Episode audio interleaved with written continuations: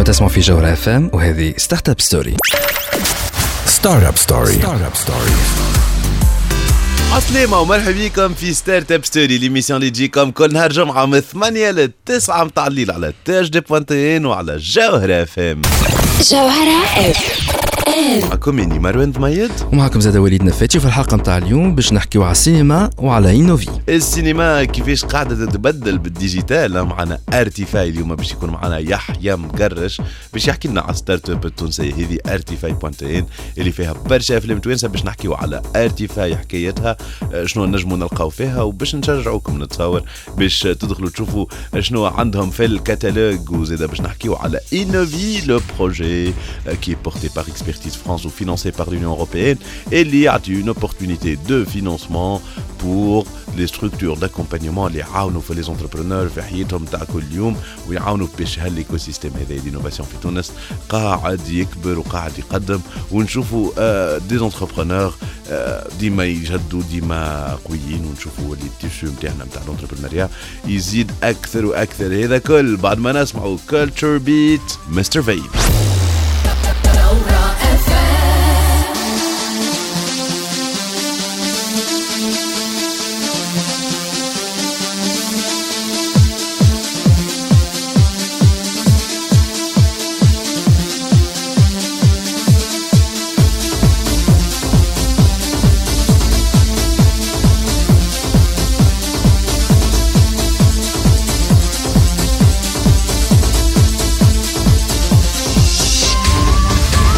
تسمعوا فينا حتى للتسعة متاع الليل هذه ستارت أب ستوري على الجوهرة أف إم. ليميسيون اللي تجيب لكم الأخبار الفرص وليزوبورتينيتي في عالم التكنولوجيا والبيزنس. كما كنا نحكيو قبيلة اليوم باش نحكيو على لي اندستري كرياتيف في تونس وعندنا اكزومبل تاع ستارت أب قاعدة تعمل في خدمة مزيانة برشا وفرحانين برشا. اللي معانا يحيى مقرش لو فونداتور لو سي أو دو ارتيفاي مرحبا بك يا يحيى. عسلامة مرحبا بك يحيى دونك ارتيفاي بوانتين العبيد اللي يتبعونا تفرجوا فيك في البيتش وبرشا. عبيد في البيتش قالوا آه يحيى حبيناه يكون في الفينال ويحيى يستحق بلاصته في الفينال آه للعبيد اللي ما يعرفوش ارتيفاي شنو هي ارتيفاي؟ دونك ارتيفاي سي نتفليكس تونس سهله. معناها. نتفليكس تونس اي شو يحب يقول نتفليكس تونس؟ دونك بلاتفورم وين تلقى الافلام التوانسه تتفرج اون ليني من دارك من غير ما تخرج من الدار اكسلون دونك نلقاها موجوده في ال- الانترنت في الموبيل ندخل نختار الفيلم اللي نتفرج فيه نلقاه وعندي كتالوج اليوم نتاع افلام ديسپونيبل ولا توا لمينا كتالوج نتاع 70 فيلم تونسي ان شاء الله الكتالوج ماشي ويكبر آه، Très bien. نلقاو توا افلام آه، كيما دشرة كيما نحبك هادي كيما ولدي دوتر فيلم معناها توانسة من القديم للجديد. وهذوما الأفلام اللي معناتها برشا عباد يقول لك والله سمعت به الفيلم ما خلطش عليه في السينما. آه. دونك فرصة أنه فوالا يمشي ولا هذيك هذيك المشكل اللي بدينا بها معناها إنه الأفلام التوانسه من بعد ما يخرجوا من لي سال دو سينما ما عادش تلقاهم. وثم عباد ما يخلطوش عليهم كلكو سوا في الجهات آه، ما عندهمش لي سال دو سينما وزاد العباد اللي عايشة لبرا صعيب. إنه الفيلم يوصلوا يخلطوا يتفرجوا عليه. دونك البلاتفورم هذه تخلي لهم لاكسي ا تو مومون وقت اللي يحب يتفرج في فيلم تونسي يدخل. بور لو مومون سي سي سي ا 3 دينار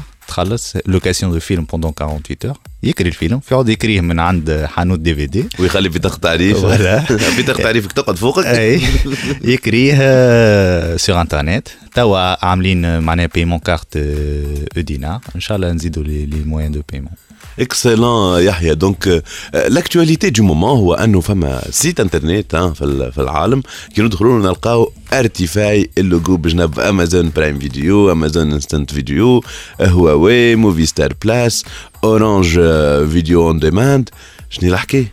دونك هو فيستيفال اسمه ماي فرنش فيلم فيستيفال سي ان فيستيفال فرونسي دونك الفيستيفال هذايا فكره جديده انه الفيستيفال يتعدى سور دي بلاتفورم دو ستريمينغ في العالم الكل دونك نحن عملنا بارتناريا مع اوني فرانس باش نعديو الفيستيفال هذايا في تونس Excellent. والحاجة لو بلوس انه معناها الفيستيفال هذا يتعدى ا 8 اورو مثلا في فرنسا ولا في دوتر بي في تونس سا سخا غراتويتمون للتوانسه بارفي دونك هذه هي الفكره انه فوالا في فيستيفال افلام جدد أي. جينيرالمون اللي آه، ما يكونش لاكسي ليهم ساهل آه، للبيبليك نقولوا فوالا اون فا برولونجي ليكسبيريونس نتاع العباد ويتفرجوا في الافلام اون ستريمينغ سي لي لي فيستيفال جدد هذوما أي، فيستيفال تاع ديجيتال. يتفرجوا ومن بعد يلموا لي فوت نتاع لي آه، آم، لي زانترنوت اللي باش يتفرجوا على افلام ويعملوا بخي آه، معناها بازي على لي فوت نتاع العباد اللي تفرجت اون لين دونك ايفيدامون معناها كيما نقولوا السينما قاعد يتبدل واليوم ماشيين من أنه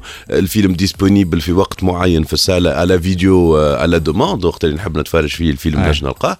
اليوم لي فيستيفال زاد سي تري بوسيبل أنه يتبدلوا لي فيستيفال دو سينما ويوليو يبرولونج ليكسبيريونس على ستريمينغ معناتها نتصور فكرة حلوة ياسر إذا كان لي فيستيفال اللي عندنا في تونس لي فيستيفال دو سينما يبوف سو انسبيري وعندنا عندنا. عندنا ارتفاع لو نتفليكس التونسي كوا فوالا إنه الفيستيفال ما يقعدش محدود في في رقعة. جغرافيه يتحل على العالم الكل ويخلي لاكسي إنه أكثر عباد يدخلوا يتفرجوا معناها. دو فاسون ليغال و اترافير لي بلاتفورم هذوما كيما ارتيفاي اللي إن شاء الله آه، اللي هي تخدم في تونس وإن شاء الله تولي تخدم على شمال أفريقيا الكل.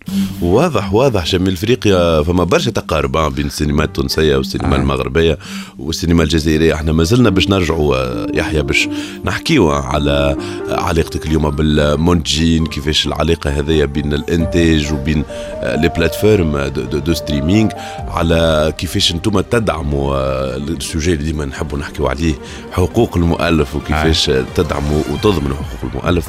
أما هذا كله بعد ما نسمعوا كارول سماحة كيف؟ هنا راجعين بعد شوي.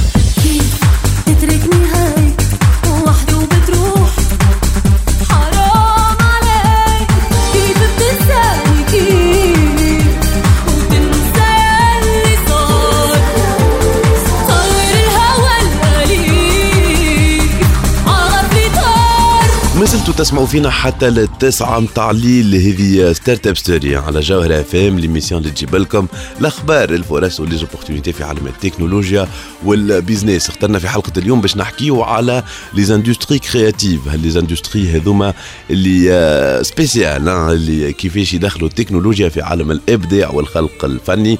والاكزامبل المزيان اللي معنا اليوم هو ارتيفاي بوانتين وحاضر معنا كما قلنا فرحانين اللي معنا يحيى مقارش لو فونداتور سي أو دو ارتيفاي يحيى حكينا قبيله على الافلام اللي عندكم في الكتالوج في آه، ارتيفاي الافلام اللي خرجوا بعد اللي ما عادش نلقاوهم في السينما نجموا نلقاوهم في في في ارتيفاي كيما دشرة كيما ولدي كيما نحبك آه، هادي. آه، السؤال اللي آه، يتسالوا الواحد آه، قديش سهل وإلا صعيب اليوم دالي نيغوسي افيك منتج آه، تونسي آه، باش تحط الفيلم نتاعك نتاعو في البلاتفورم؟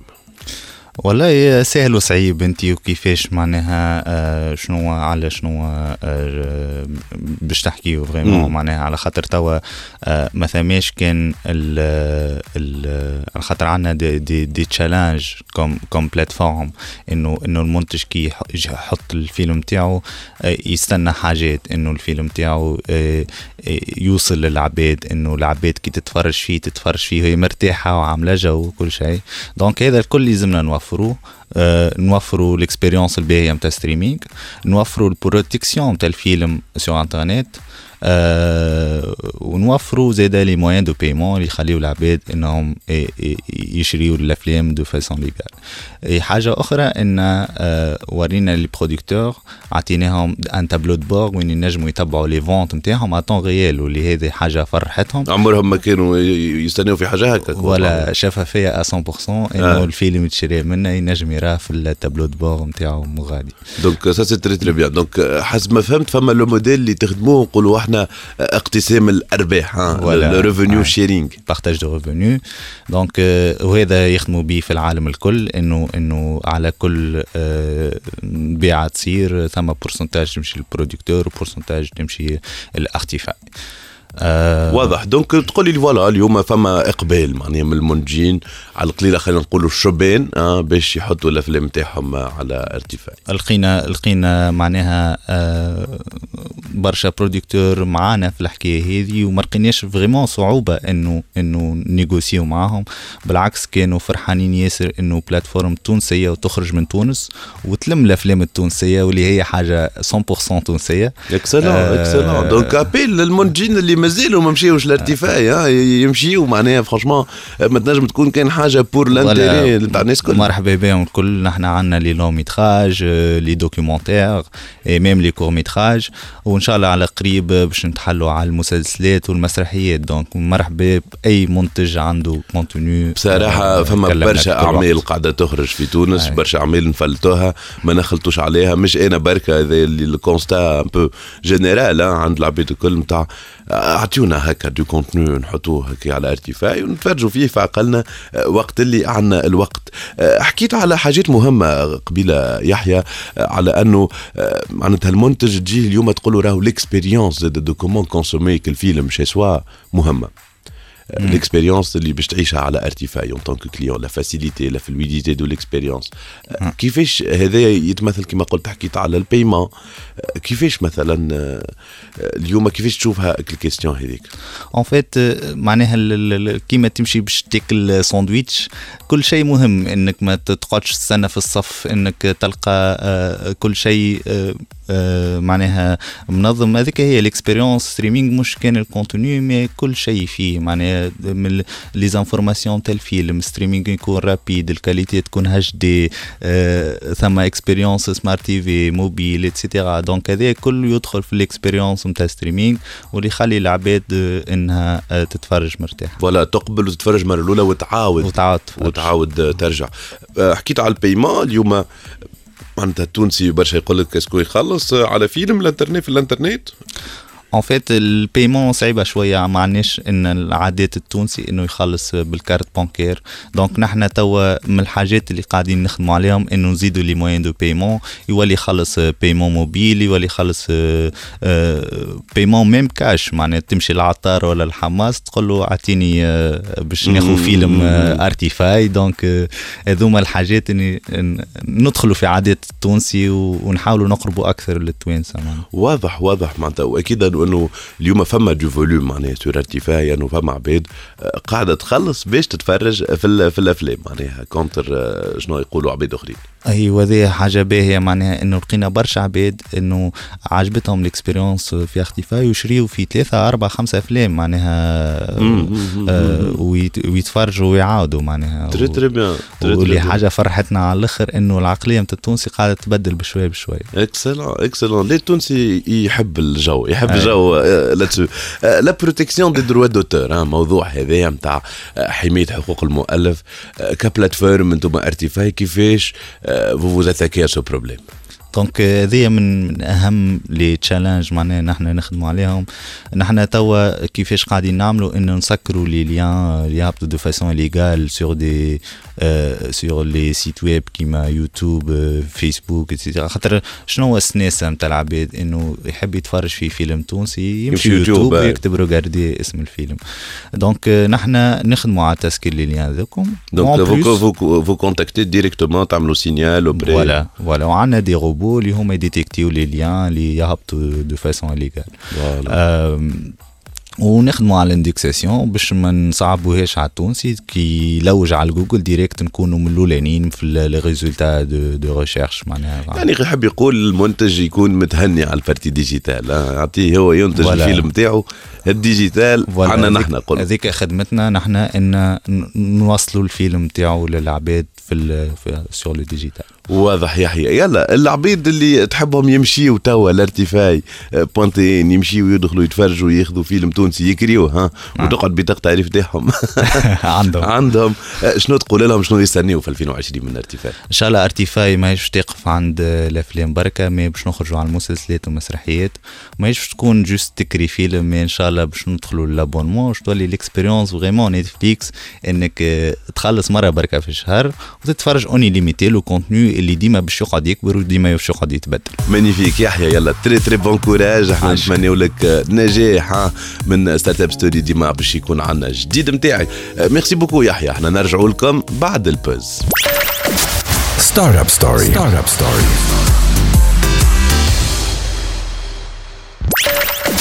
Startup Story. Startup Story.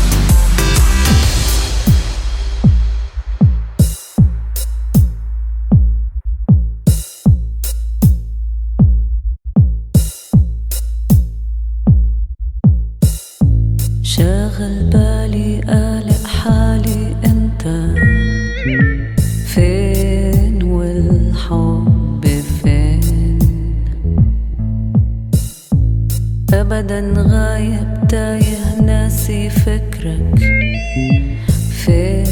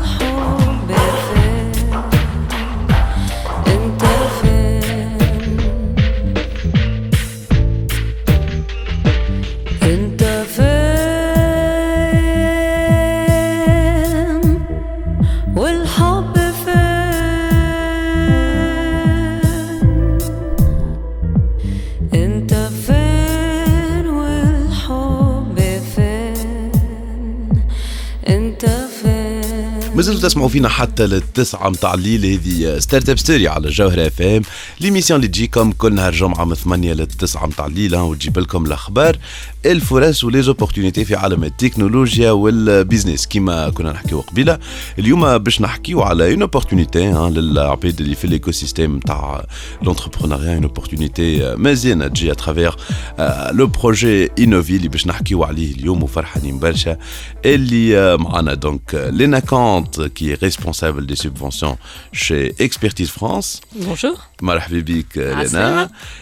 et Yasmine Laribi qui est chargée de communication chez Expertise France. Marhabik euh, Yasmine, très très bien. Donc euh, on va parler évidemment de ce projet Innovi Yasmine. Euh, je alors, le projet Innovi, c'est un projet qui est euh, financé par l'Union européenne à hauteur de 14,5 millions d'euros et mis en œuvre par Expertise France, qui est l'agence française de coopération technique internationale. Euh, c'est un projet d'appui à l'écosystème de l'entrepreneuriat et de l'innovation en Tunisie. Il a été lancé donc en juillet euh, 2019 et sera mis euh, en place pour une durée de 5 ans. Ce projet-là, donc cet appui dont, on parle, comment il va être mis en place concrètement Donc euh, selon trois axes. Un premier axe qui est euh, dédié donc, au renforcement de cet écosystème-là, qui sera fait à travers des appels à projets et des subventions du- d'un montant global de 8 millions d'euros. Que nous expliquerons plus en détail euh, tout à l'heure. Un deuxième axe, donc, qui est un axe euh, de structuration, donc appui à la mise en place d'un cadre réglementaire propice à l'entrepreneuriat innovant et aux startups, notamment à travers euh, le soutien à des initiatives pilotes mises en place par les ministères et leurs opérateurs publics. Et euh, un troisième axe qui est vraiment un axe de valorisation. Donc on a un axe de renforcement, structuration et valorisation de cet euh, écosystème-là, tant sur le plan national qu'international, à travers des actions de communication, des actions événementielles et de communication pour cet écosystème de l'entrepreneuriat.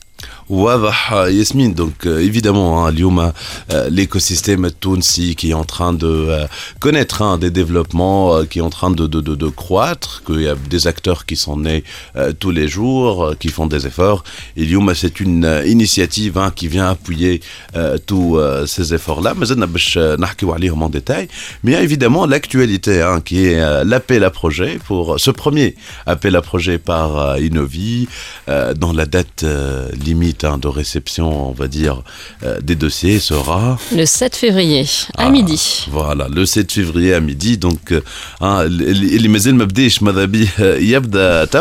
Et on va parler de, ce contexte d'abord de, cet appel de projet, Léna. Oui. Alors, bah, quand, on a démarré le projet, on a, fait une cartographie des acteurs qui existent en Tunisie, dans tout l'écosystème, que ce soit des accompagnateurs, des financeurs, et ben, on s'est rendu compte que bah, il y avait deux grosses disparités. Alors, la première, c'est, elle est d'ordre euh, dans la chaîne de valeur, en fait. Il y a, y a une dispersion ou une trop grande concentration et en tout cas trop peu d'équilibre dans cette chaîne de valeur. Euh, on le dit toujours, hein, on se dit, voilà, aujourd'hui il y a une duplication d'efforts, euh, il y a un faux sens, on va dire, de la concurrence entre certains acteurs, et euh, il y a surtout le manque, on va dire, de synchronisation et d'homogénéité à travers toute la chaîne. Ouais, c'est certain, c'est certain. Il y a vraiment des steps qui sont très peu couvertes. Donc, quand on parle de financement, ben, bon, déjà, c'est compliqué. Il y a beaucoup de steps qui sont pas couvertes à ce niveau-là. Et puis, tout ce qui est suivi après, accompagnement, euh, une fois que, bah, ça y est, que, l'entreprise a un petit peu, euh, a de quoi se dé- démarrer vraiment, euh, voilà. Ce qui explique aussi euh, qu'on ne retrouve pas au- toujours autant de startups ou bien de, de- de nouvelles euh, structures créées qui dépassent euh, le, le- le- le- le seuil de trois années, on va dire, d'existence. Exactement, Mm. exactement. Et c'est vraiment, c'est vraiment là-dessus qu'on veut appuyer euh, sur l'appel à projet. Donc vraiment que, que toutes les que toutes les steps euh, soient soient présentes et que la chaîne de valeur puisse être vraiment équilibrée pour que les, les entrepreneurs innovants ben, trouvent sur qui s'appuyer. euh. Vous avez parlé d'une autre disparité euh, au niveau des régions aussi. Exactement. C'est la disparité euh, géographique. hein. On se rend compte que bah, que, que c'est très concentré sur Tunis et que quand on est euh, porteur de projet euh, dans les régions, hein, même si c'est des régions comme Sousse et Sfax, bah, il y a des structures mais peu et bon, c'est vraiment dommage. Donc on, on souhaite vraiment que, que ça se développe à l'échelle locale et que ça se dissémine sur, sur, tout, le, sur tout le territoire, hein, dans tous les gouvernorats.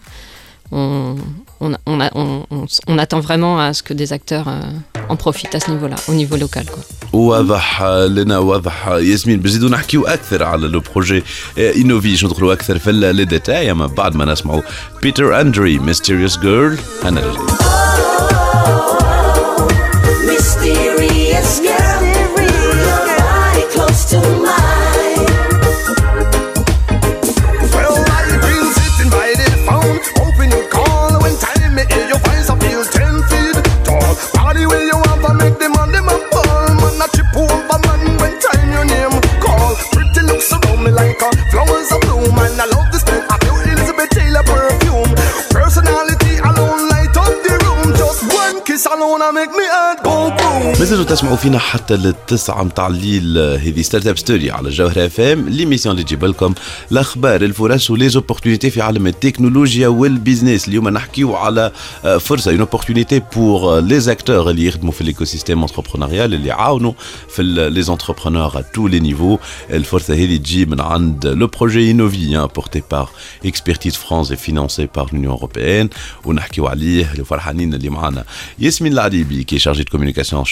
Expertise France, et Léna Kant, euh, qui est responsable des subventions chez Expertise France. Euh, donc, euh, Léna, on a parlé de cet appel à projet, de ce contexte, et quand vous l'avez présenté, vous l'avez présenté avec des rubriques. Exactement, exactement. En fait, on est parti bah, du constat qu'on a fait, de la cartographie qu'on a fait, pour essayer de, dans cet appel à projet, de voilà, de mettre des objectifs qui nous permettraient de, bah, de combler un petit peu euh, ces gaps et de et d'équilibrer et de renforcer euh, la présence de l'écosystème de l'innovation euh, en Tunisie. Donc il y a pour- pour- on, attend des projets qui remplissent euh, au moins un des objectifs que je vais citer. Il y en, il y en a cinq en tout. On, Mhm. on- on peut en remplir plusieurs, hein, c'est même, encouragé, mais euh, un déjà, ça sera tout à fait acceptable. Donc en fait, on voudrait, on voudrait renforcer euh, les activités et les services que les structures d'accompagnement euh, présentent et développent euh, pour les entreprises innovantes et les startups tunisiennes. Donc vraiment, c'est ce qu'on c'est ce qu'on a comme dans le constat, quoi. C'est vraiment sur toutes les étapes, euh, sur toutes les étapes euh, de l'accompagnement. On, voudrait qu'il y ait un vrai positionnement là-dessus. Euh, on voudrait également, pareil pour les acteurs du financement et de l'investissement, pareil qu'ils puissent soutenir ces entreprises innovantes et ces start-upers dans, toutes les phases de développement de leur projet, qu'il n'y ait pas des voilà, qu'il y pas des, phases où on se dit bon bah ça y est, c'est parti et, on n'est plus là. Non non, on, veut vraiment que, comme tu le disais, voilà, même au bout de trois ans, qu'on trouve encore des sources de financement et qu'on puisse être euh, accompagné comme il faut. Et puis, euh, voilà, on voudrait que, toutes ces initiatives et ces projets, se, comme je le disais, pareil, qu'elles s'étendent sur tout le territoire tunisien, qu'on voit développer des, actions euh, vraiment dans les régions à l'échelle locale. Ce que je voudrais dire par rapport à ça, c'est qu'on est bien conscient qu'une structure n'a pas forcément euh, tous les moyens pour, euh, développer directement euh, 10 actions dans, dans, dans 10 régions. On est bien d'accord, mais, ça peut être une portée de se dire voilà, on propose cette action-là et on compte bien la dupliquer. Après de- le fait voilà, de, de- de la maintenir et de la Exactement. pérenniser sur euh, la, La- région. euh, Exactement. La focale. tester sur une région et, et la dupliquer ensuite. Euh, Il y a un autre objectif aussi, c'est euh, tout ce qui concerne le plaidoyer et la communication en faveur de l'entrepreneuriat innovant. Donc on voudrait vraiment ait, que cette culture entrepreneuriale eh ben, elle se diffuse, qu'on la, qu'on la voit, qu'on en entende parler dès le plus jeune âge. Ça, c'est c'est important que, que partout ça se, on en parle. Euh, donc les, les, les success stories tunisiennes euh, devraient gagner en visibilité. hein, et, euh, Tout à fait. et ça peut être, ça peut être une action, ça, ça peut être une activité des, des actions que les porteurs de projets peuvent nous proposer. Et puis surtout, il y a un point important, c'est que le, le dialogue public-privé et la connexion euh, public-privé, euh, le partenariat. Euh, voilà, s'il y avait, s'il y avait moyen que euh, qu'il y ait des relations qui se créent, ouais, ouais, ouais, complètement. Tout à fait, euh, Léna. Donc, euh, ces objectifs-là, donc, euh, qui doivent être présents évidemment dans, euh, euh, ces, dans, donc, euh, dans ces projets qui vont être soumis à, Expertise France. Il m'en manque un dernier. Oui, Ouais. oui, oui, oui, oui, oui, oui. Je veux pas l'oublier parce qu'il est important aussi. C'est euh, les, les connexions entre les écosystèmes euh, tunisiens, l'écosystème tunisien et l'international. Donc au niveau, au niveau régional, mais au niveau euh, mondial. hein, on- Tout à fait.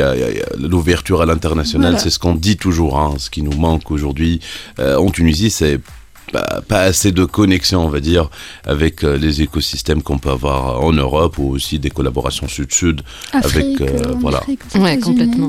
ouais. Il y a des critères d'éligibilité pour participer à cet appel de projet, euh, Léna. Si on peut très rapidement hein, faire le tour. Ouais, ouais. Euh, et ben alors il faut, il faut, faut être une personne morale établie en Tunisie euh, depuis au moins un an au moment de, du dépôt de la demande. Bon, ça peut bloquer certaines structures, on en est bien conscient, mais il faut garder en tête euh, qu'il y aura d'autres appels à projets, c'est pas l'unique. Donc, euh, donc un peu de patience, euh, votre tour Ça viendra venir, si, ouais, si ce critère-là est compliqué pour vous. Euh, ce qui est important de retenir aussi, c'est qu'on ne veut pas que, que l'action euh, qu'on nous propose ait un but lucratif. On est bien conscient que les structures sont également là pour euh, se pérenniser financièrement et qu'elles ont besoin de profit, mais euh, l'action proposée euh, n'entre pas dans ce cadre-là. Ouais, elle, est là pour se structurer, pour se renforcer, mais pas pour, euh, Ouais, pour c'est- la définition même en fait de cette euh, logique d'entrepreneuriat social parce que c'est ce qu'on appelle souvent euh, ces, ces accompagnateurs. Ils se définissent évidemment comme des entrepreneurs euh, sociaux qui où le, le- le développement ou bien l'impact social est, est parfois beaucoup plus important que euh, le fait de, dégager des bénéfices à la fin d'année. C'est clair. Bah, on va continuer hein, de, de, de parler de ce projet hein, euh, de Expertise France, euh, euh, Innovi, mais juste بعد ما نسمع محمد كيلاني hein, قلبي على ايدي أنا رجع أنا شايف قلبي على ايدي وجاي اوان لازم ارجع بيه معلش خلاص بقى يا سيدي كفايه خساره زعلان كده مني ودي تيجي ده برضه كلام اصل أنا مش همشي يا حبيبي غير وكله تمام ليه بتزعل مني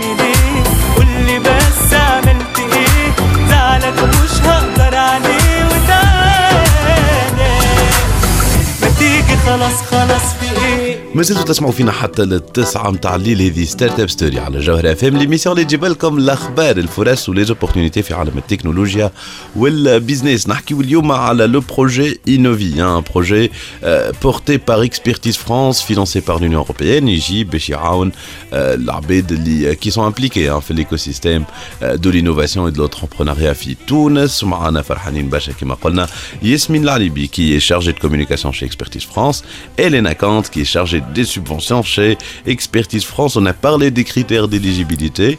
Il y a aussi des critères, malheureusement, d'inéligibilité. Ouais, c'est clair. c'est clair. Bah, je rappelle que quand même cet appel à projet, c'est des gros tickets. On est sur des tickets de, de 100 000 à 400 000 euros. Donc évidemment, on, demande un petit peu d'expérience dans le domaine. On ne peut pas financer euh, des structures euh, qui ne pourront pas nous, démontrer euh, leurs compétences à, à mener à bien euh, des projets. Euh... Ok, ma il y aura un autre rappel de projet pour les petits acteurs. Exactement. Et les Exactement. Euh, euh, ouais. D'accord. Donc euh, pour euh, ces critères-là d'éligibilité, donc on a parlé de cette capacité d'exécution. Ouais. euh, qui doit être démontré à travers le dossier. Euh, ils peuvent inclure les CV des, des- des gens qui vont intervenir, les projets liés à euh, Exactement, exactement. Les, les expériences qu'ils ont eues, hein, pas forcément avec des financeurs comme l'Union européenne ou autres, mais, mais voilà, qu'ils ont, qu'ils ont mis en œuvre des actions et que ça les a menés quelque part. Voilà, donc on on voir le fait d'avoir mené un projet sur plus d'une année ou plus que euh, six mois, c'est déjà un signe très positif, un signal fort. Exactement. euh, de exactement. capacité d'exécution, de, de se dire voilà, je peux très bien mener un projet du plan jusqu'à l'exécution avec euh, des process de suivi Ouais. euh, qui doivent expliciter. euh, dans Exactement, exactement. Donc dans la- dans l'appel à subvention, il y a un document qu'on appelle nous euh, le cadre logique et ça, ça, per- ça vous permet vraiment de, de décliner euh, l'action que vous souhaitez mener et de nous la rendre lisible. Donc, euh, donc pour vous, c'est facile parce que vous, vous avez déjà en tête ce que vous voulez, mais pour nous, voilà, ça sera beaucoup plus facile euh, à lire et à comprendre et on verra bien si, si effectivement c'est éligible parce que oui, la portée de, de votre projet nous intéresse. Absolument, il faut aussi spécifier que euh, c'est pas des actions ponctuelles que vous cherchez, mais c'est plutôt euh, la logique de pérennisation à travers cette sub- subvention. Exactement, on, on est plutôt dans la logique de, de structurer et de renforcer, donc il faut qu'on voit que on, on, va pas, on va pas vous subventionner pour des interventions, euh, pour, pour avoir quelqu'un par exemple qui vient de l'étranger pour faire une, Une conférence, une conférence. une Voilà, voilà, on on est, on est, on n'est pas dans ce cadre-là. On s'inscrit dans quelque chose qui va vous apporter à vous pour pouvoir être euh, sustainable a- après et pour que vos services continuent et que vous développiez euh, vos services, euh, les services que vous proposez aux entreprises. Quoi. Tout à fait. Donc euh, ceci est un axe très très important évidemment parce qu'on en parle toujours, cette problématique de comment pérenniser euh, ces structures de soutien et que c'est intéressant que ces structures de soutien pour les entrepreneurs, ils ont aussi euh, besoin d'un soutien qui sera apporté. Bah, c'est clair, c'est clair, et on espère que voilà, quand les soutenants, ça fera effet boule de neige euh, pour tout le pour tout le système. Mais c'est vrai que c'est des structures qui sont quand même assez jeunes parce que finalement l'écosystème euh, en Tunisie euh, sur l'innovation, bah, il s'est construit euh, il n'y a pas si longtemps que ça. Donc on comprend bien qu'elles aussi, elles ont des problématiques et, et finalement, bah, les start en ont, c'est clair, mais mais il faut qu'elles aussi elles, elles résolvent. euh, elles résolvent ce à quoi elles font face pour se pérenniser.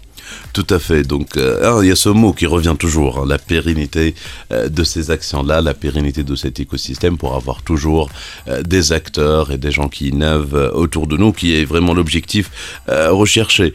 Évidemment, dans l'appel à projet, évidemment que sur certains aspects, les, bénéficiaires, quand ils seront acceptés, vous avez dit donc évidemment il y a, cette enveloppe financière qu'ils vont avoir, mais pas que ça. Une fois que, une fois que les projets, euh, les projets seront acceptés, on, on prévoit évidemment euh, d'être là bah, déjà pour les suivre, pour les, pour les encourager, parce que parce que c'est pas toujours facile de, de décliner les activités qu'on a prévues, parce qu'il y a toujours des aléas, tout ça. Et puis surtout pour les accompagner dans tout le reporting euh, dont on va avoir besoin, parce que bah, nous aussi on rendait compte, hein. on les ouais, accompagne ouais. aussi finalement. Donc, euh, donc voilà, donc on, on sera là pour, pour les former et, et pour leur donner les outils, les outils nécessaires. Tout à fait, qui est un volet donc d'assistance technique Ouais. euh, très important dans ce genre euh, de projet. احنا ما زلنا باش نزيدوا نحكيو hein, على ce projet euh, Innovi hein, porté par Expertise France et financé par l'Union européenne. اما بعد ما نسمعوا ميلي فانيلي Girl, you know it's true. احنا نرجع. Yes, you know it's true.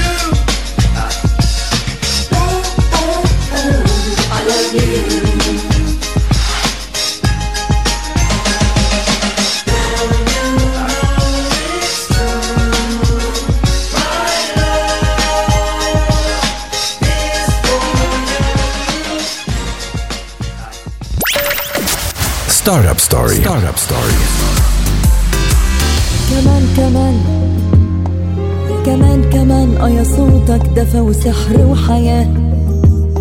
كان يا مكان. بقى بينا قصة وشوق أحلامنا اللي دوبنا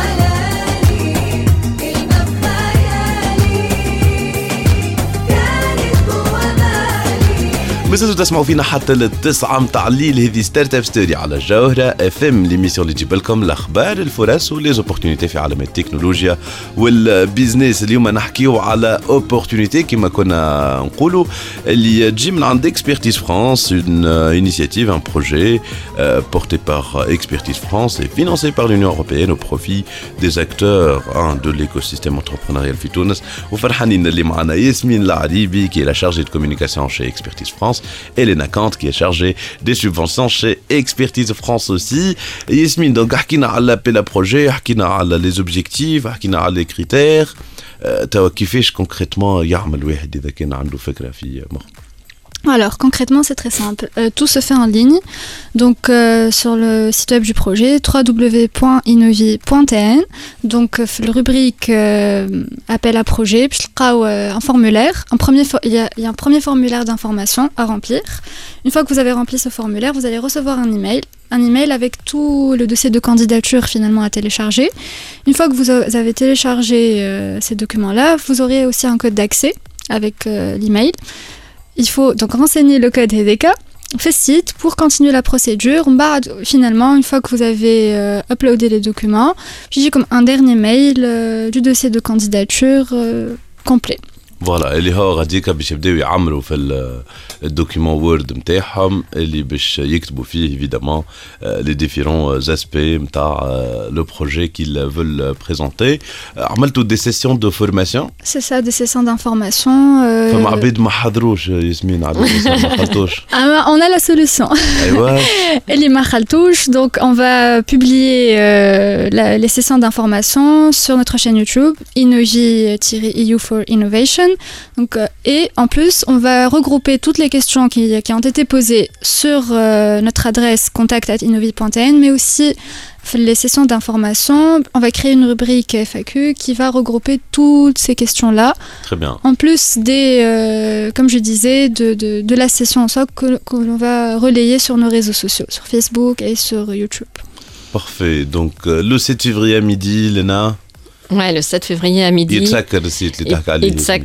pour applaudir, euh, applaudir c'est fini. Euh, et puis, euh, et puis surtout, je pense qu'il faut commencer bien en amont parce que parce que c'est un gros dossier, c'est des demandes complètes qu'on demande dès le départ. Donc il faut vraiment prévoir, prévoir du temps pour les remplir. Tout et à ah, un, fait. Ça un autre point.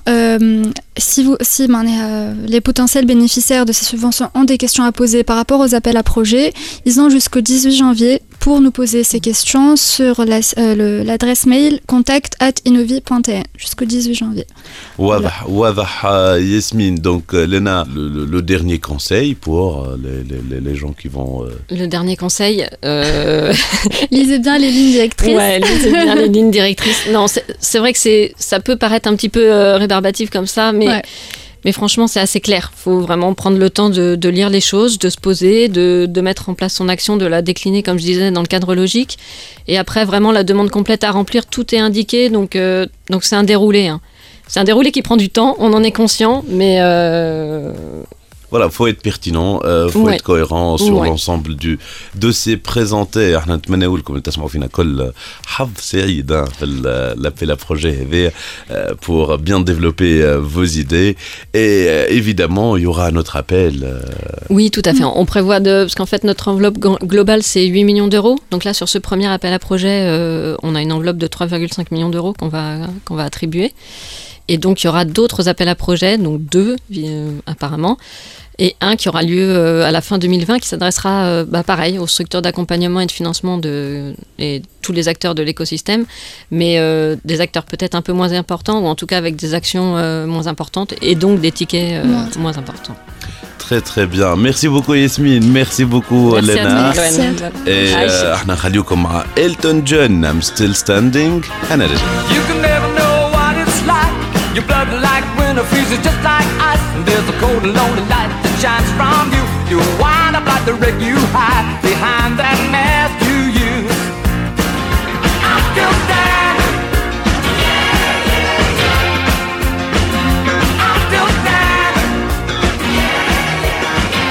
هذا اللي عنا في حلقة اليوم من ستارت اب ستوري تنجموا تعاودوا تسمعوها على القناة ساوند كلاود متاع تي اش دي بوانتين تنجموا تسمعوا ليميسيون متاعنا زادا على سبوتيفاي أنغامي ولا اي تيونز أني مروان ضميد. وليدنا فايتين نقول لكم في الأمان. نشوفوكم الجمعة الجاية. Startup Story.